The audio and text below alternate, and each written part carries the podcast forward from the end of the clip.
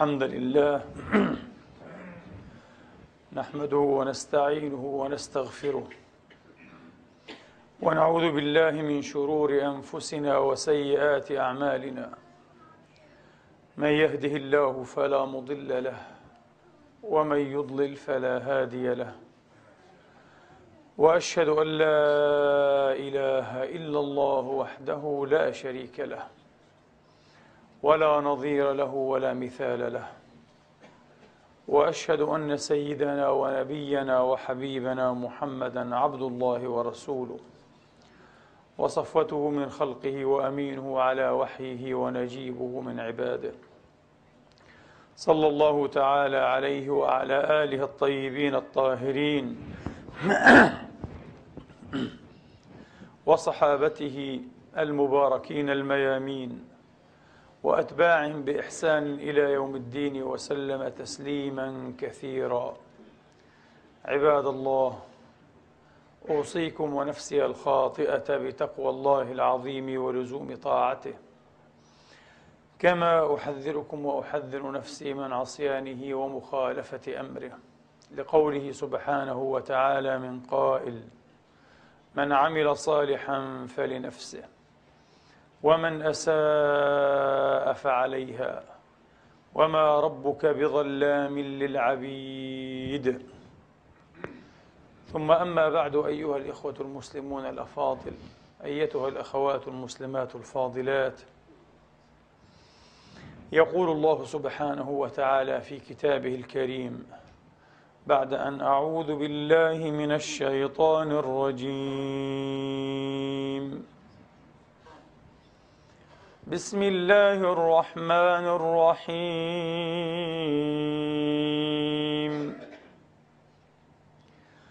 ويل للمطففين الذين إذا اكتالوا على الناس يستوفون.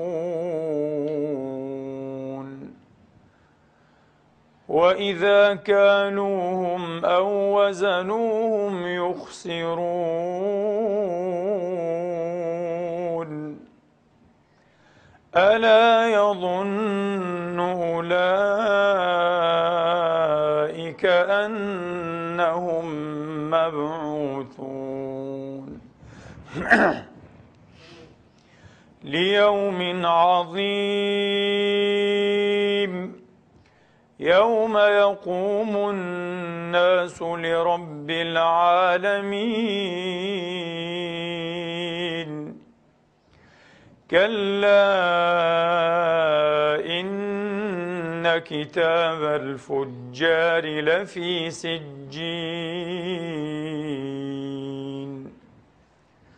وما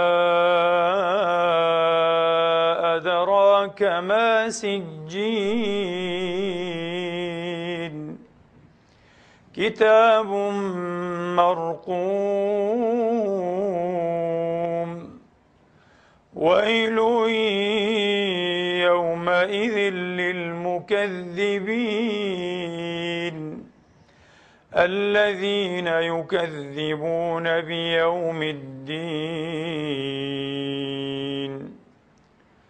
وما يكذب به الا كل معتد اثيم إذا تتلى عليه آياتنا قال أساطير الأولين. كلا بل ران على قلوبهم ما كانوا يكسبون. كلا إنهم عن ربهم يومئذ لمحجوبون. صدق الله العظيم. وبلغ رسوله الكريم. ونحن على ذلك من الشاهدين. اللهم اجعلنا من شهداء الحق القائمين بالقسط. آمين. اللهم آمين. أيها الإخوة الأفاضل أيتها الأخوات الفاضلات. يخال ويبدو للمرء أحيانا أن ما يذهب إليه من رأي أو يسلكه من مسلك أو يتخذه من موقف أنه محض اجتهاده وذوب ذكائه وفكره وأنه إنما يعكس وعيا عميقا وإدراكا ربما متخصصا. قد يكون ذلك. وفي حالات أخرى قد يكون الأمر على غير ذلك. إذا تتلى عليهم آياتنا قال أساطير الأولين. كلا بل ران على قلوبهم. الله قال هذا غير صحيح. هذا الحكم على هذه الآيات البينات الناهجات نهج الهدى والصراط القويم بأنها أساطير تأثرها محمد صلى الله عليه وآله وأصحابه وسلم ومن آمن به معه أيها الإخوة الله قال هذا حكم غير صحيح وليس هذا الحكم نتاج عقل أو فكر رجيح أيها الإخوة إنما هو نتاج ماذا؟ نتاج قلب قد عمي. كلا بل ران على قلوبهم ما كانوا يكسبون. هذا نتاج قلب عميان والعياذ والعياذ بالله. عميان أعمى عن الحق وعن تلمح دلائل الهدى وأمارات الاستقامة أيها الإخوة. قال أحد الحكماء إن أعظم ما يرجوه الشيطان وأعظم ما يخدمه أيها الإخوة ما هو؟ أن يظن الناس أنه غير موجود وأنه غير فاعل. نعم. هذا الشيطان أيها الإخوة لعنة الله تعالى عليه مخلص أشد الإخلاص في عمله. مخلص أشد الإخلاص في كفره في ضلاله وإضلاله. يا ليت للمؤمنين بعض في إيمانهم. بعض إخلاص الشياطين في ضلالهم وإضلالهم. المؤمن يحدث أنه يعمل العمل ويتلمح الناس يحب أن الناس ينظرون إليه ويعتبرونه ويجعلون له حيثية. الشيطان لا على العكس تماما لا يحب أن يلتفت إليه. يحب أن تفهم أن هذا نتيجة الدرس والفكر والفلسفة والتعمق والتخصص والبراهين والمقارنات والمحاكمات يحب أن تفهم هذا. وفي الحقيقة ليس شيئا من ذلك.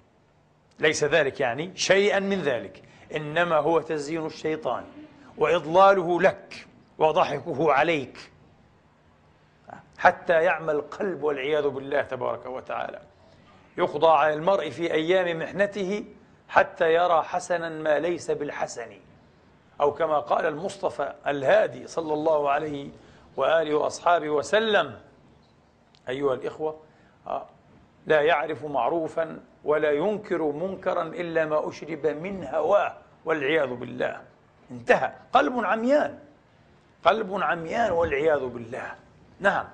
الشيطان يحب هذا جدا. أن يظن الضال أيها الإخوة التائه الزائغ آه، أن ما يأتيه وما يصدر عنه من فكر أو رأي إنما هو محض رأيه هو. وليس للشيطان فيه يد ولا يدان. وهذا غير صحيح. هذا غير صحيح بالمرة أيها الإخوة. الله يقول السبب السبب هو الذنوب والعياذ بالله. السبب هو الاستكبار عن الهدى مجافاة الحق وأهله والاستيحاش منه من الحق أيها الإخوة. والأنس آه، بالباطل والأنس بالباطل والعياذ بالله وحب الباطل. يجعل الإنسان منكوس الفطرة معكوس الرأي والعقل أيها الإخوة. يرى الأمور بشكل معكوس تماما وهو منسجم مع نفسه الملتاثة ومع قلبه الضال الحيران العميان. منسجم طبعا لأنه هو منكوس والعياذ بالله. نعوذ بالله من تنكيس العقول والقلوب والأفهام. الأبصار والبصائر والعياذ بالله. كلا بل ران على قلوبهم ما كانوا يكسبون. هذا الران أيها الإخوة فسره النبي المحمد صلى الله عليه وآله وأصحابه وسلم في الحديث الذي أخرجه ابن ماجه في جامعه عن أبي هريرة رضي الله تعالى عنه وأرضاه. قال قال صلى الله عليه وآله وأصحابه وسلم إن العبد إذا أذنب الذنب نكت في قلبه أو قال كان أي في قلبه نكتة سوداء. الذنب هذا يتحول والعياذ بالله بل هو نفسه يكون نكتة سوداء. في القلب الأبيض في القلب الأبيض يصير الذنب نكتة سوداء. قال صلى الله عليه وسلم فإن تاب ونزع واستغفر. أو قال فإن عاد ونزع واستغفر. صقل قلبه. تمحى هذه النكتة. يعود القلب إلى حاله الأولى من الصفاء والسلامة والبراءة. وإن زاد أي العبد والعياذ بالله ذنبا على ذنب ازداد والعياذ بالله إيه؟ وتكثر من الذنوب. ازداد وتكثر من الذنوب. وإن زاد زاد حتى يعلوه والعياذ بالله. فذلك الران الذي ذكر الله في كتابه ثم تلا صلى الله عليه وآله وأصحابه وسلم الآية كلا بل ران على قلوبهم ما كانوا يكسبون. ما هذا الذي كسبوه السيئات والآثام والخطيئات والفواحش الكبيرات والعياذ بالله والذنوب الصغيرات أيضا. هذا كله طبع على قلوبهم. آه. وعلى إيه؟ القلب والعياذ بالله. نكتة إلى نكتة نكتة على نكتة أصبح القلب كله أسود مربادا والعياذ بالله كما وصفه النبي في الحديث الصحيح حديث عياض بن حمار في مسلم. لا يعرف معروفا ولا ينكر منكرا إلا ما أشرب من هواه قال الحسن البصري رضي الله تعالى عنه وأرضاه كلا بران على قلوبهم ما كانوا يكسبون قال هو الذنب على الذنب حتى يعمى القلب. هو الذنب على الذنب حتى يعمى القلب. أيها الإخوة أول ما يوجبه الاستكثار والاحتطاب في حبل الذنب من غير عود ومن غير نزوع ومن غير توبة واستغفار وإنابة وهذا من أقبح ما يوجبه من أقبح نتائجه والعياذ بالله. التأنس بالذنب. إلف الذنب. الذنب الذي كنت ترتعد منه فرائصك. آه. تستقبحه جدا. إذا سمعت به أتاه غيرك. جدا تستقبحه. تأتيه مرة ويهولك أمره. إذا لم توفق إلى التوبة الصادقة والإنابة والنزوع وأتيته الأبعد مرة ثانية وثالثة ورابعة تصل إلى حالة زرية والعياذ بالله تتأنس به وتألفه وترى شيئا طبيعيا. بالعكس وتبدأ تعول على رحمة الله ومغفرة الله وأن هذا يسعدني ويطيب لي ويلذ لي ها فما الذي ينقص الله إن غفره؟ الله غفور رحيم. ومن يغفر الذنوب إلا الله وهكذا تبدأ تضحك على نفسك. وتبدأ هنا لا تفكر بعقل شرعي. بعقل إلهي بنفس الرحماني. إنما تبدأ والعياذ بالله أو يبدأ الأبعد حاشاكم أعيذكم وأعيذ نفسي بالله أن تكون هذه أن تكون هذه حالتنا. أو أن نصير إلى مثل هذه الحالة. يبدأ والعياذ بالله يفرغ عن منطق الشيطان. ويبصر أيها الإخوة بعينه. وينطق بلسانه دون أن يدرك. دون أن يدرك أيها الإخوة. وحقا كما قال أحد العارفين. لو كشف الحجاب أيها الإخوة. لرأيت أكثر من حولك من عباد الله. من مسلم وغير مسلم بالحري طبعا. آه. غير مسلم. أحرى. لوجدتهم مصروعين صرعى للشياطين. صرعى. آه. والعياذ بالله. أسرى في أيدي الشياطين. يتلاعبون بهم. يتلاعبون بهم والعياذ بالله تبارك وتعالى. الأمر جد أيها الإخوة. الأمر جد والأمر خطير. أمر نزاع أبدي. بين هذا الذي أضل أبوينا وأخرجهما من الجنة ينزع عنهما لباسهما لعنة الله عليه. وبيننا نحن الذرية ذرية هذين الأبوين الكريمين. نزاع أبدي لا ينتهي حتى يفصل الله بين الخلائق يوم القيامة. لن ينتهي قبل أن يطوى بساط هذا العالم. وهذه الدورة أيها الإخوة من دورات الخلق آه. الإلهي. هذا هو. آه. فهكذا. بل إن بعض هؤلاء والعياذ بالله بعد أن يتأنس بالذنب ويألفه ويستحليه ويستملحه ويلذ له ويبدأ هذا الذنب يشوقه والعياذ بالله. آه. مصدر. مصدر وينبوع من منابع الفرحة. والعياذ بالله. والأنس واللذة. ينتهي إلى حالة هي أزرى وأحقر. ما هي؟ وهي غاية التحلل أو الانحلال والتهتك والعياذ بالله. الافتخار بهذا. يبدأ يفاخر. يبدأ إذا جلس مع أمثاله من هؤلاء الحمقى المخذولين يذكر ما له من فتكات وما له من غدرات وما له إيه؟ من دخلات وخرجات كما يقال. من مغامرات تافهة شيطانية إبليسية. سيندم عليها أشد الندم. لا أقول يوم القيامة. وإنما يوم يأتيه ملك الموت لا يستأذن عليه. ولا يطلب إذنا من حرس إيه؟ ولا بواب. يوم يأتيه سيندم أشد الندم سيتقطع حسرات. على كل لحظة عصى فيها الله تبارك وتعالى. تعست ليلة عصيتك فيها. كيف لا أستحي وأنت الرقيب؟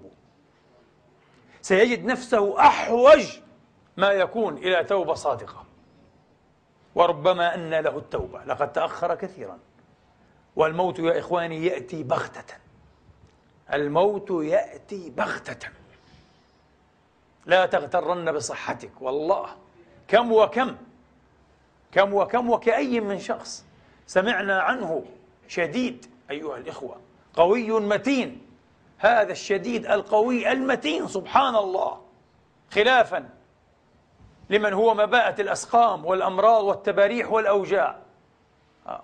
أخذ خلسة اختطف اختطافا. راح فلتة. كما يقول إيه العرب. لا وراح فلتة. فلتة. فلتة. في ربع ساعة عشر دقائق كان انتهى.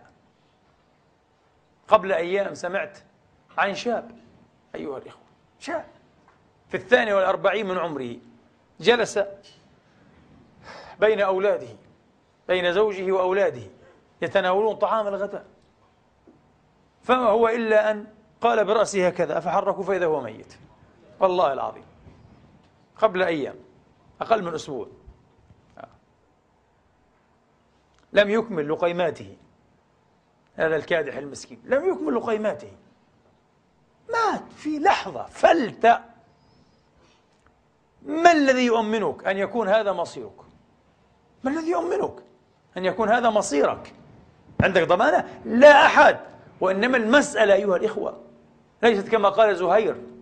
رأيت المنايا خبط عشواء. لا ليس خبط عشواء أبدا إنما هي تقادير وآجال. استوفى أجله. استوفى آخر نفس له أيها الإخوة. إن كان شهيقا لم يزفر وإن كان زفيرا لم يشهق. هذا هو القدر. انتهى. كتابا مؤجلا. لا أحد يدري. فلا تغترن بقوتك بطولك وعرضك بصحتك. وأنني لست مريضا. وقبل أسبوع أسبوعين أجريت فحوصا ما شاء الله. إديال مثالية ممتاز كلام فارغ. أمثال هؤلاء بالذات الله يقيم منهم لنا العبر. حين يختطفون اختطافا ويختلسون اختلاسا ويذهبون فلتة. أيها الإخوة ليكونوا عبرة لنا. فبالله لا تغررن بنفسك. أزيد مما قد فعلت. شيء مخيف. الأمر جد أيها الإخوة. الأمر جد. هذا قبيح قبيح جدا أيها الإخوة أن يتهتك العبد الذي كان ينبغي أن يكون مكتوبا مرقوما اسمه في ديوان الصالحين أولياء الله المتقين المجاهدين ربما الشهداء المقبولين. صار اسمه الآن مرقوما. الله أعلم. ربما في الزنا في السراقين في الكذابين. في الهتاكين في الغيابين في النمامين في آكلي أموال الناس بالباطل في الطغاة الظالمين. الله أعلم بحسب ذنبه. الذنب يعطيك اللقب انتبهوا. الذنب يعطيك النعت.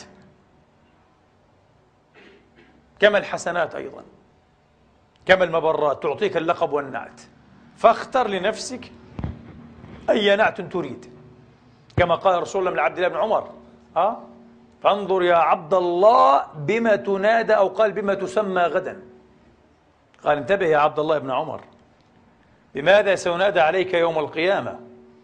سيقال عبد الله التقي مثلا الصالح عبد الله بن عمر.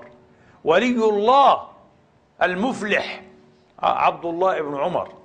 أو يقال كذا كذا أعوذ بالله والعياذ بالله فلان ابن فلان على رؤوس الخلائق. ليست تهمنا كثيرا الفضيحة على رؤوس الخلائق بمقدار الفضيحة بين يدي رب العالمين لا إله إلا هو كيف نلقاه؟ كيف ندفع عن أنفسنا؟ بماذا نحاجج؟ ماذا نقول؟ والعياذ بالله هذا كله من تأثير الشياطين فينا من استحواذ الشيطان علينا دون أن ندري أيها الإخوة والله تلاميذ في مدرسة إبليس دون أن يدري المرء تلميذ كبير في مدرسة إبليس كل يوم يتلقى محاضرات أيها الإخوة ويعمل بها دون أن يدري فرحان بنفسه. يمشي بين إيه؟ يديه ولا يدري المسكين. وهذا من هوانه على الله. روى مسلم في صحيحه والبخاري في الأدب المفرد. قال صلى الله عليه وآله وأصحابه وسلم كل أمتي معافا إلا المجاهرين. وإن من الإجهار أي المجاهرة وإن من الإجهار. أن يبيت العبد يستره ربه. أن يبيت العبد يستره ربه. فيصبح يفضح نفسه. يقول يا فلان عملت في يوم كذا وكذا كذا وكذا. الله يستره ثم هو يفضح نفسه. هذا لا طماعية له إلا أن يتوب في مغفرة الله. هذا مجاهر والعياذ بالله. كيف وصل إلى هذه الحالة المحقورة الزرية؟ على مراحل أيها الإخوة. وفي أوقات ربما متقاربات أو متباعدات. بدأ بالذنب والاستكثار ترك التوبة التألف التأنس بالذنب ثم بعد ذلك صار إلى المجاهرة والمفاخرة بالذنب. يجاهر ويفتخر بمعصية الله. شيء عجيب. شيء عجيب. هذا من هوانه على الله. ومن يهن الله فما له من مكرم. قال الحسن البصري قدس الله سره هانوا على الله. هانوا على الله فخلى بينهم وبين ما يريدون.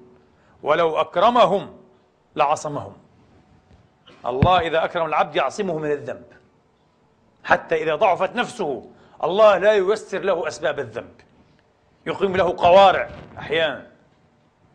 وينصب له علائم وإشارات ألا لست منهم لا تكن منهم لا تضعف. عد يا عبد الله فيعود بإذن الله تعالى. لأنه كريم. أما العبد المهين على الله والعياذ بالله الله يخلي بينه وبين ما يريد. بعض هؤلاء يصل إلى حالة عجب. إن شئتم أن تعجبوا فاعجبوا. يستكثر من الذنوب ثم هو يطمع. في درج الجنان العاليات أيها الإخوة. في أعلى مقامات النعيم. مع أنه مفرط في الطاعات مستكثر. ما الخطيئات؟ كبيرات وصغيرات. شيء عجب. كيف هذا؟ وفي الأثر الإلهي الجليل ما أقل حياء من طلب جنتي بغير طاعتي. ماذا نقول يا رب العزة؟ في حياء من طلب جنتك بمعصيتك. يعصي ثم يؤمل. آه. لأن الله يقول إن الله يغفر الذنوب جميعا. يحيل على الله. يعصي الله ثم يحيل عليه. يستشهد بكلامه. عجب هذا الفهم. هكذا؟ إذا فلنسقط آيات الوعيد كلها جملة أين آيات الوعيد؟ أين آيات التخويف؟ أين آيات الترهيب التي فعلت فعلها في الملائك وفي النبيين والمرسلين حتى دعوه سبحانه وجل قدره وتعالى رغبا ورهبا وكانوا له خاشعين أسقطها جملة هذا من أقبح الجهل من أجهل الجهل أيها الإخوة من أجهل الجهل الكذب على الله تبارك وتعالى. الله تبارك وتعالى عمم وأطلق. لم يخص لم يخصص ولم يقيد. قال إن الله يغفر الذنوب جميعا. فلما عمم وأطلق علمنا أن الآية في التائبين. هذه الآية في التائبين. هذه الآية تقول من تاب توبة نصوحة فالله يغفر الذنوب جميعا. هذا معنى القرآن. بدليل أنه قال في النساء إن الله لا يغفر أن يشرك به. لا يغفر أن يشرك به. ويغفر ما دون ذلك لمن يشاء. فعلمنا أنه لما لم يعمم ولم يطلق أه إنما أراد سبحانه وتعالى ماذا؟ المؤمنين من غير التائبين. هم في خطر المشيئة. طبعا. أما التائبون كافرين كانوا أه؟ تابوا من كفرهم أم مؤمنين من قباحاتهم كانوا تائبين فهؤلاء مشمولون بقوله إن الله يغفر الذنوب جميعا. هكذا يفهم القرآن. من كان له عقل أيها الإخوة أو فهم هكذا ينبغي أن يقيم فهمه. آه. لآيات الكتاب. لا أن يضرب القرآن بعضه ببعض لكي يزداد من معصية الله تبارك وتعالى. الله أكبر الله المستعان. أيها الإخوة وإن من أقبح آثار الذنوب والعياذ بالله تبارك وتعالى. ومن أعظمها خطرا أنها تحجب الدعاء عن الله تبارك وتعالى فلا يستجاب. انتبهوا. والدعاء هو سلاحنا الأمضى. الدعاء سلاح المؤمن في الخبر. أقول هو سلاح المؤمن الأمضى والأقطع والأقوى. أقوى سلاح هو الدعاء. والله. كان الفاروق رضي الله تعالى عنه وأرضاه يعده أقوى جندي أقوى جندي. جند الرجال وجند الدعاء. أقوى جندي الدعاء. وكان يقول إنكم لا تنصرون بكثرة بكثرة عدد إنما تنصرون من السماء رضي الله عنه وأرضاه.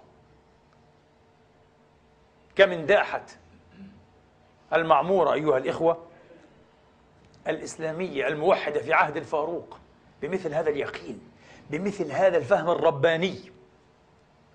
كيف وقف الصحابة وهم ثلاثة آلاف أو زهاء ثلاثة آلاف لمئتي ألف رومي بيزنطي كيف؟ كيف؟ بحسنات هؤلاء وبسيئات أولئكم والعياذ بالله يقول عبد الله بن عباس إن للحسنة ضياء في الوجه ونورا في القلب ونورا في القلب وسعة في الرزق وقوة في البدن ومحبة في قلوب الخلق أي الصالحين. وإن للسيئة سوادا في الوجه وظلمة في القلب ونقصا في الرزق ووهنا في البدن وبغضة وليس بغضة بغضة في قلوب الخلق أي الصالحين. ولذلك الكافر قد تراه جسيما طويلا لا بأس بالكفار من طول ومن قصر جسم البغال وأحلام العصافير. أه؟ كالمستوطن البغل الذي رأيناه أمس أيها الإخوة. أه؟ يطلق الرصاص. أه؟ على الآمنين من أهل خير الرحمن. فيأتيه شيخ عجوز. يصرخ به يضربه على يده في فيلقي السلاح. ثم ينبطح أيها الإخوة نهبا للركل إيه والضرب. جبان. قد يكون قويا مدربا طويلا عريضا. لكن تخونه قوة بدن أحوج ما يكون إليها. أمام مؤمن صالح رباني من الذين ينصرون بالرعب بإذن الله تعالى. من مجابي الدعوة من موصولي الأسباب والحبال بالله رب العالمين. ما في المؤمن قوي بإذن الله. ولذلك القلة القليلة قد تغلب كثرة كاثرة بإذن الله تبارك وتعالى كما قال تعالى وكأي من وكم من يكثر تبارك وتعالى. يعني حدث هذا ويحدث كثيرا إن شاء الله تعالى وإن لم يحدث دائما لكن يحدث كثيرا. فهذا هو الإيمان. يعطي قوة باطنية وظاهرية بإذن الله تبارك وتعالى. لماذا؟ لأنه استمداد من قوة الله استمداد من نصر الله استمداد من نور الله من جلال الله. أيها الإخوة لو عرفنا الإيمان حقا الفاروق كان موقنا بهذا رضي الله تعالى عنه وأرضاه وكان يقول لست أخاف من أن أمنع الإجابة. بل من ماذا؟ بل من أن أمنع الدعاء. قال فإذا ألهمت الدعاء كانت الإجابة معه هو يعرف. الله وعد. والله لا يخلف الميعاد. المهم أن ندعو. وأن ندعو أيها الإخوة بألسنة لا نعصي بها الله. وأن نفرغ عن قلوب موقنة بالله محبة لله ترجو الله وتخشاه وتعظمه وتقدره حق قدره وترجو له الوقار لا إله إلا هو. مثل هذا الدعاء يستجاب. مثل هذا الدعاء تدكدك به الجبال أيها الإخوة. لذلك يعد سلاحا قاطعا ماضيا لا ينثلم بإذن الله تبارك وتعالى. أي أيوة والله. أي أيوة والله. لو أخذناه هكذا. لكن ليس دعاء العصاة. دعاء الفجرة المجاهرين الفسقة. لا يطرقون باب الله. إلا حين تلم بهم النوائب والمصائب. لا لا. هذه أصوات منكرة من عباد منكرين غير معروفين غير مألوفين في الملأ الأعلى بخلاف الصالحين الأواهين المنيبين إلى الله أبدا وباستمرار. دعاءهم مقبول بإذن الله تبارك وتعالى. الدعاء أيها الإخوة من أمضى بل أمضى أسلحتنا بإذن الله تبارك وتعالى. أمضى الأسلحة. تعرفون لماذا؟ لأنه يقول عليه الصلاة وأفضل السلام الدعاء ينفع مما نزل ومما لم ينزل. فعليكم عباد الله بالدعاء. أخرجه الحاكم من حديث ابن عمر. النبي يقول هذا. يقول الدعاء ينفع مما نزل. من مصيبة وقعت. أيها الإخوة. ومما لم ينزل بإذن الله تعالى. ما أدراك؟ ما أدراني. ما أدرانا. كم من المصائب والبليات والبوائق دفع عنا بسر الدعاء الصادق منا. كم؟ لا أحد يدري. يوم القيامة سيظهر هذا لنا. نعم. قد يقول قائل هل يدفع عني الدعاء؟ أمر قد قدر. والجواب أنه لا يقدر إلا بسببه ولا يدفع إلا بسببه. انتبهوا هذا هو الفهم المستقيم في شرع الله تبارك وتعالى. أخرج الإمام أحمد وابن ماجه وابن حبان رضي الله تعالى عنهم وأرضهم من حديث ثوبان مولى رسول الله صلى الله عليه وآله وأصحابه وسلم. قال عليه الصلاة وأفضل السلام لا يرد القدر إلا الدعاء. النبي يجيب الآن. لا يرد القدر. القدر قد يرد بإذن الله. بماذا؟ ليس بالسخطة. ليس بأن نسخط. ليس بأن نغضب. ليس بأن نأخذ بالأسباب الكونية. لنرد القدر وحده آه. أبدا. قال لا يرد القدر. القدر إذا قدر هناك سبب واحد قد يرده بإذن الله تعالى. ما هو؟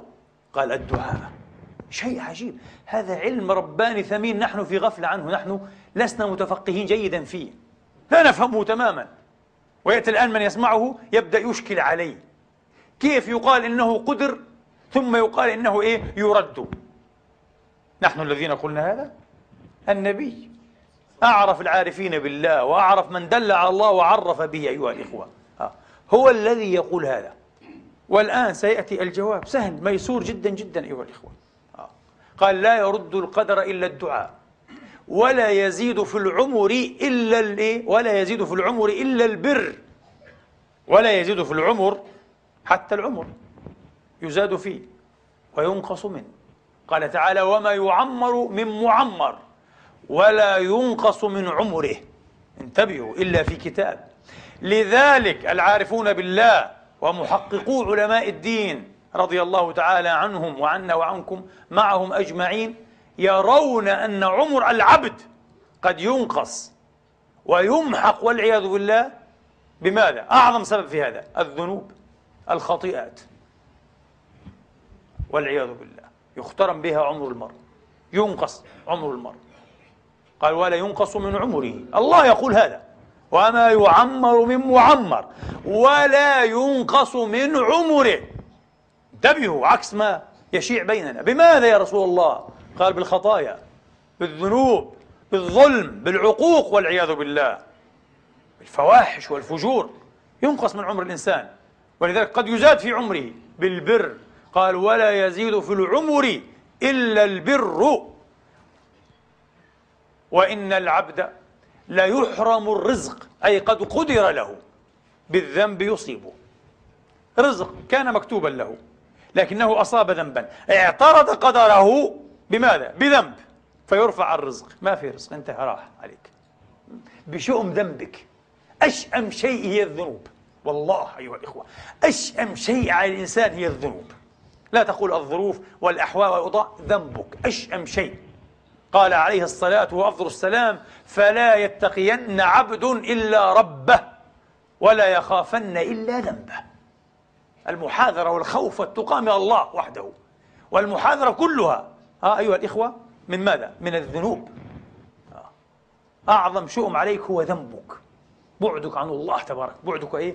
عن الله تبارك وتعالى فإن اعتص عليك يا أخي المسلم ويا أختي المسلمة أن تفهم كيف يمكن للدعاء الأبر أيها الإخوة المستجاب أن يرد القدر. فعليك أن تستحضر حقيقة أن الله تبارك وتعالى ما قدر المقدورات إلا بأسبابها. قدر الولد مع الوطن. أليس كذلك؟ نعم. وإلا ليجلس امرؤ في بيته عزبا لا يتزوج فيكون له أهل يأتيها ثم يقول إيه؟ لو قدر الله لي الولد أه سأرزقه. كلام فارغ. لن ترزقه إلى أن ينقر في الناقور. لأنه إن كان قدره فقد قدره إيه؟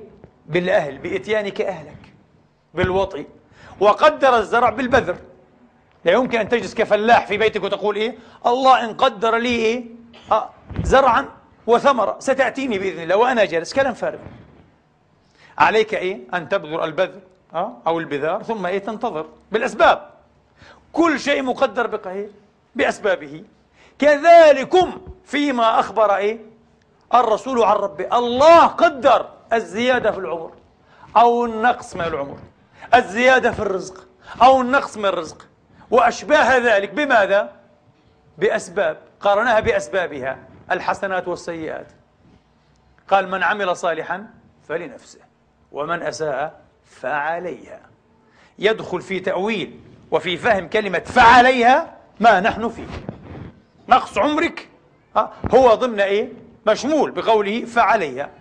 نقص رزقك مشمول بقوله فعليها. ذهاب ولدك موت الولد أحيانا أو موت الوالد أو موت الأهل. قد يكون أيضا إيه؟ من المشمولات بفعليها بشؤم ذنوبك. الله أكبر. إذا يمكن حتى ببركة دعاء المؤمن الصالح أن يزاد في أعمار ذويه وأقربائه. ممكن. وأن يؤخر. وفي الحديث الصحيح الذي أخرجه العلامة الإمام ابن مندى. قال رأيت ملك الموت جاء ليقبض روح شاب في شبابه في شرخ شبابه. قال فجاءه بره بوالديه فأخر عنه ملك الموت.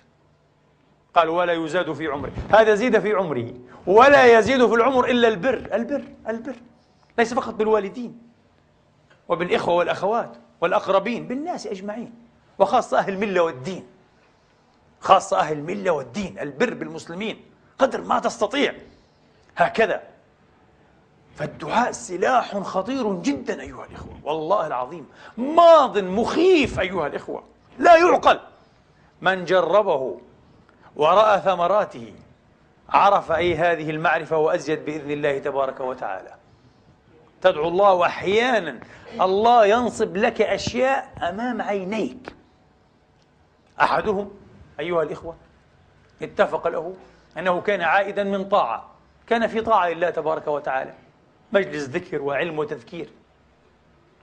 فلما اقترب من منعرج هكذا عرجة شارع سريع كيرفة هذه من عرجة شارع إيه سريع آه. دعا الله تبارك وتعالى أن يحفظه وأهله. إيه فقيل له في قلبه إلهام. هذا في رمضان المنصرم هذا. فخفف السرعة. إذا طيب. دعاء استجبناه. هكذا ألهم شيء لا يصدق. هذا ممكن يحدث مع كل واحد منكم. يجرب هذا بيقين لكن بتقوى بصدق أيها الإخوة.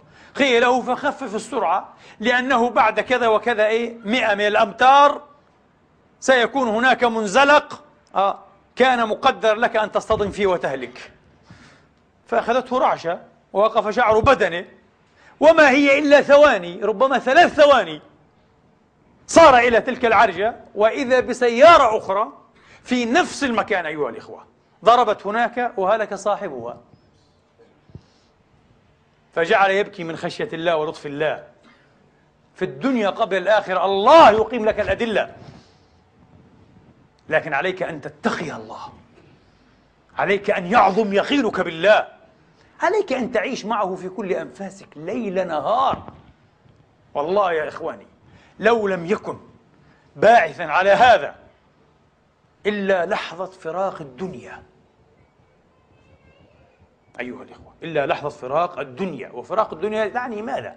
تعني فراق الزوجة والأولاد الأبناء والبنات والإخوة والأخوات والآباء والأمهات والأصدقاء والمعارف.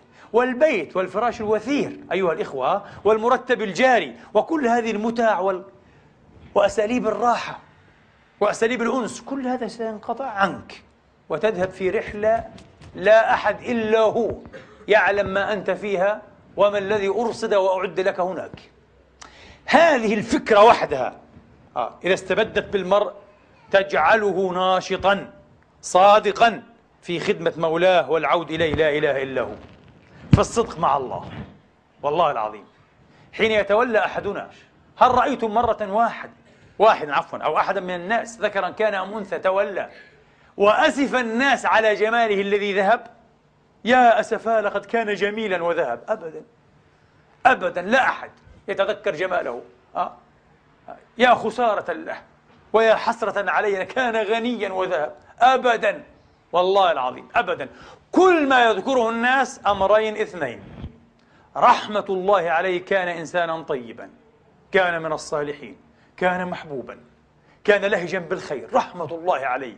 تبكيه القلوب والمآخي أيها الإخوة. أو رحمة الله عليه. نسأل الله أن يغفر له ما كان منه. لأنهم يتذكرون إيه؟ سيئاته والعياذ بالله. السيئات التي أسلفها لنفسه وفي حق عباد الله. فيستغفرون ويوجلون ويخافون عليه من مصيره وما أرصد له عند الله تبارك وتعالى. طبعا يخافون عليه جدا. إن كان أمره يعني يهمهم بعض إيه؟ بعض الهم. هذا كل ما نتذكره. لن نعنى بعد ذلك لا بعد أموالهم ها؟ ولا بقياس جمالهم وطولهم وعرضهم ها؟ ولا حتى بشهاداتهم ولا بعلمهم ولا بشطارتهم. فقط ما الذي قدموا؟ هذا الذي يجعلنا نطمئن أو نأسف عليهم. وأنت كذلك. وأنت كذلك. أنا دائما حين يأتيني خبر إنسان مات مات فلان ماتت فلانة. آه طبعا شأني شأن البشر. أحزن وأبكي وأتأثر. وأكثر ما يؤثر في أيها الإخوة هو توهمي مصير. توهمي إيه؟ مصيره. ماذا فعل به؟ صار إلى ماذا المسكين؟ كذا. أكثر وأقول يا حسرة ليس على الأحياء. ذوي الأموات إنما يا حسرة على من مات. الحسرة على من تولى انتهى. الحسرة على هذا المسكين. تعرفون لماذا؟ لأن أقرب المقربين إليه وأراهن بعد أيام معدودات. ليس فقط يعودون إلى أكلهم وشربهم ومرحهم وإنما إلى ضحكهم ولهوهم وربما في مجلس العزاء أيضا. يلقي هذا بنكتة فيضحكون. ماذا تريد منهم؟ أن يقتلوا أنفسهم غما؟ قد انغموا يوما ويومين وثلاثة هذا كاف. فيا حسرة على من مات إذا انت حتى لو قتلوا أنفسهم وأذهبوها حسرات قطعوها عليه بماذا يفيد هذا؟ بماذا يجديه؟ لا يجديه جدوى. لا يجديه شروى نقير. كل ما يجديه هو عمله. فالعمل العمل العمل. والتوبة التوبة التوبة يا عباد الله. نسأل الله تبارك وتعالى أن يكشف عن بصائرنا وأن يفتح مسامع قلوبنا لذكره ويرزقنا إنابة حسنة إليه وتوبة صادقة في رجعة مقبولة إنه ولي ذلك والقادر عليه. أقول ما تسمعون وأستغفر الله لي ولكم فاستغفروه.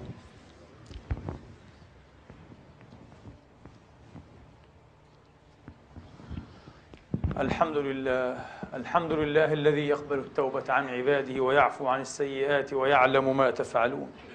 ويستجيب الذين آمنوا وعملوا الصالحات ويزيدهم من فضله والكافرون لهم عذاب شديد. وأشهد أن لا إله إلا الله وحده لا شريك له. وأشهد أن محمدا عبده ورسوله. صلى الله تعالى عليه وعلى آله وأصحابه وسلم تسليما كثيرا. أما بعد أيها الإخوة لا يكونن أحدكم أهون على الله من البهيمة.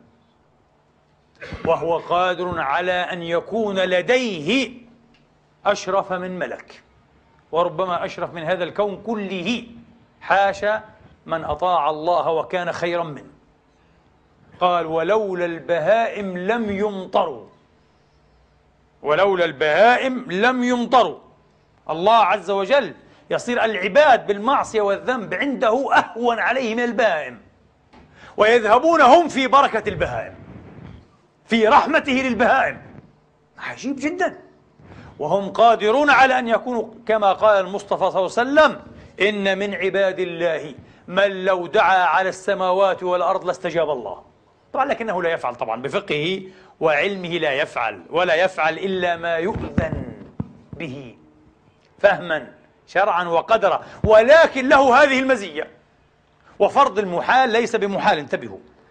وصدق القضية الشرطية ليس معلقا على وقوع ماذا؟ على وقوع هذه القضية في المنطق. نسأل الله تبارك وتعالى أن يعرفنا به وأن يدلنا عليه كما دل عليه العارفين والصادقين. اللهم ارحمنا فإنك بنا راحم ولا تعذبنا فأنت علينا قادر.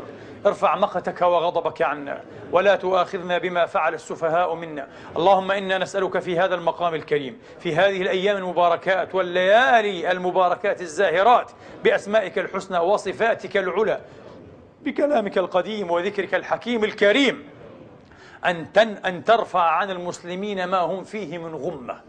برحمتك يا أرحم الراحمين. اللهم أذهب الغم والحزن والحصر والحصار عن أهلنا في فلسطين عن أهلنا في غزة بقوتك يا متين. اللهم انتصر لهم فإنهم مظلومون. اللهم انتصر لهم فإنهم مغلوبون.